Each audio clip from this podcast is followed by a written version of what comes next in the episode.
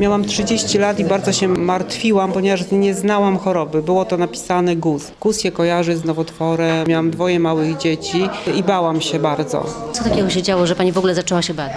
Ja wróciłam z urlopu i bardzo głowa mnie bolała. Poszłam na badania, podstawowe badania nie wykazały. Neurolog, który mnie zobaczył, a długo nie widział, zwrócił uwagę na to, że zmieniłam się według niego.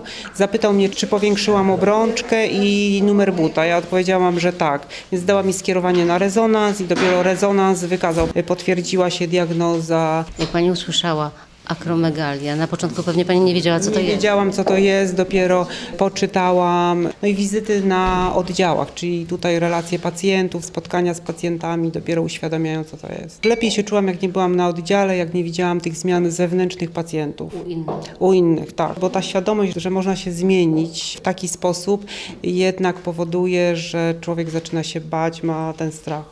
Najwcześniej pojawia się pocenie, pogrubienie rąk i, i stóp. Pacjenci zauważają trudności w jakichś precyzyjnych pracach wykonywanych ręcznie. Kobiety zauważają, że pierścionki są, są ciasne, mężczyźni obrączki. Jest konieczność kupowania większych rękawiczek, konieczność kupowania większych rozmiarów obuwia.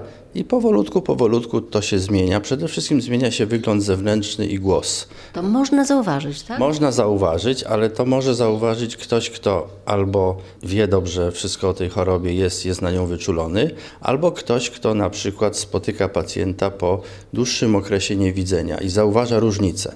Jeżeli jest mało delikatny, to zwróci na to uwagę, bo niektórzy traktują to jako takie brzydkie starzenie się, a to jest po prostu zmiany rysów twarzy wynikające z choroby. Upadałem, schylając się, upadałem, nie byłem w stanie podnieść się. Częste bóle głowy, bóle stawów, badania wszystkie, które robiłem, mocz, krew i tak dalej, one wychodziły wręcz u mnie wzorcowe. I opowiadam te swoje dolegliwości. Nie dowierzano mi, wręcz powiedziano mi, że e, w tym wieku to jest niemożliwe. To, co ja opisuję, to jest niemożliwe. Nawet jeden lekarz wysłał mnie do psychologa. Trafiłem na Wiśniową do lekarza i on po prostu, jak tylko weszłem do niego do pokoju, od razu mi wszystko powiedział. Nawet nie chciał oglądać moich papierów. To może wystąpić w każdym wieku. Szczyt zachorowania to jest piąta, szósta dekada życia, natomiast jeżeli wystąpi u dzieci, to mamy do czynienia z gigantyzmem, czyli z osobami, które mają ponad 2 metry wzrostu i inne objawy też. Natomiast jeżeli wystąpi choroba u osób dorosłych, które już przestały rosnąć, to rosną im kości na grubość, nie na długość. Jedyną kością, która może rosnąć na długość jest żuchwa, w związku z tym mają zmieniony wyraz twarzy, wypadają zęby, pogrubia się język, rosną narządy wewnętrzne, serce, wątroba, tarczyca. Także tutaj to nie jest choroba tylko jednego narządu, to jest choroba całego ciała i powikłania są z całego ciała. No właśnie, bo to nie jest kwestia tylko wyglądu i estetyki. Oczywiście jest przede wszystkim problem powikłań. Powikłań kardiologicznych, powikłań onkologicznych, które jeżeli nie są odpowiednio leczone, mogą skrócić do 10 lat okres przeżycia tych pacjentów. Często występuje. W populacji polskiej należy spodziewać się około 2,5 tysiąca chorych na akromegalię. Należy się spodziewać, to znaczy, że nie ma dokładnych danych. Mamy około kilkuset, może 200-300 pacjentów, którzy gdzieś są, krążą między nami i nie mają właściwie postawionego rozpoznania i nie są w związku z tym leczeni, czyli są zagrożeni tym, że mogą szybciej umrzeć. Co oznacza właśnie to szybkie rozpoznanie i wdrożenie leczenia? Czy to może być tak, że to leczenie może zatrzymać chorobę? Zatrzymuje postęp choroby. Zmiany wyglądu, które już się dokonały, one się nie cofną. Natomiast nie ma dalszego postępu choroby i przede wszystkim nie ma postępu powikłań. Chory wyleczony ma szansę żyć tak długo jak, jak reszta populacji.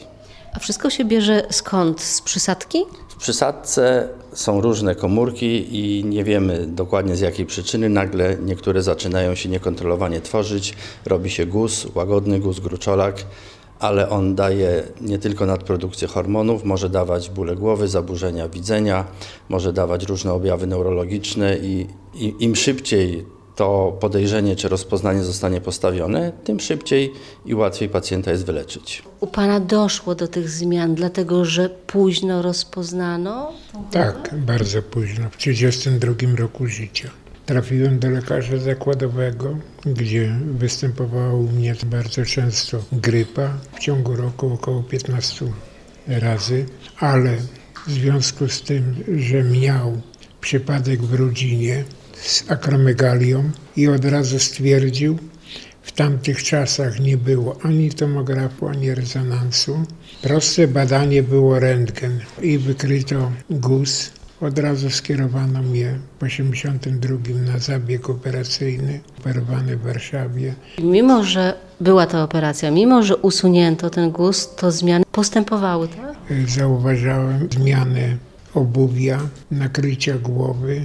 Ja dobrze nie wypowiadam, dlatego że jest powiększony język, struny głosowe, to wszystko. To jest Ręce? skutek ręce. Usłyszałem tą diagnozę i powiedziano mi, że natychmiast musi być operacja, nie można zrobić nic innego, bo najpierw zapytałem, czy można w jakiś sposób się leczyć farmakologicznie. Nie. Jest zbyt późno na to, choroba za bardzo postępuje i nie ma innego sposobu, tylko operacyjnie. U Pana tych zmian na pierwszy rzut oka nie widać, Tak. ale choroba to nie tylko ten wygląd. To nie tylko wygląd. y, Właśnie to też myliło lekarzy, bo po mnie nic nie było widać. Objawało się to nadciśnieniem, bólami stawów, bóle głowy, pocenie się, upadanie po prostu na ziemię, omdlenia. Operacja daje szansę skutecznego wyleczenia, ale bywa skuteczna mniej niż w połowie przypadków. Jeżeli guz jest mały, dobrze dla neurochirurga zlokalizowany, czyli umożliwiający całkowite usunięcie, jest szansa na całkowite wyleczenie tylko leczeniem operacyjnym. Ale taką szansę ma mniej niż połowa pacjentów. A reszta? A reszta ze względu na wielkość guza, na ucisk na skrzyżowanie nerwów wzrokowych czy naciekanie innych sąsiednich struktur wymaga leczenia farmakologicznego bądź radioterapii. Na ile to leczenie jest dostępne? W Polsce dla pacjentów ubezpieczonych jest dostępne w 100%. Ci pacjenci trafiają za późno? Bardzo często. Ta pani jedna, którą mieliśmy, to jest, to jest rzadki przypadek, że rozpoznanie zostało postawione w miarę wcześnie i, i, i jak ktoś nie wie, nie zna jej, nie będzie podejrzewał, że ona ma akromegalię. Wcale tak nie wygląda. Natomiast większość pacjentów, szczególnie mężczyzn, ma duże deformacje, bo jak kobieta staje się brzydka, to prędzej czy później ktoś to zauważy.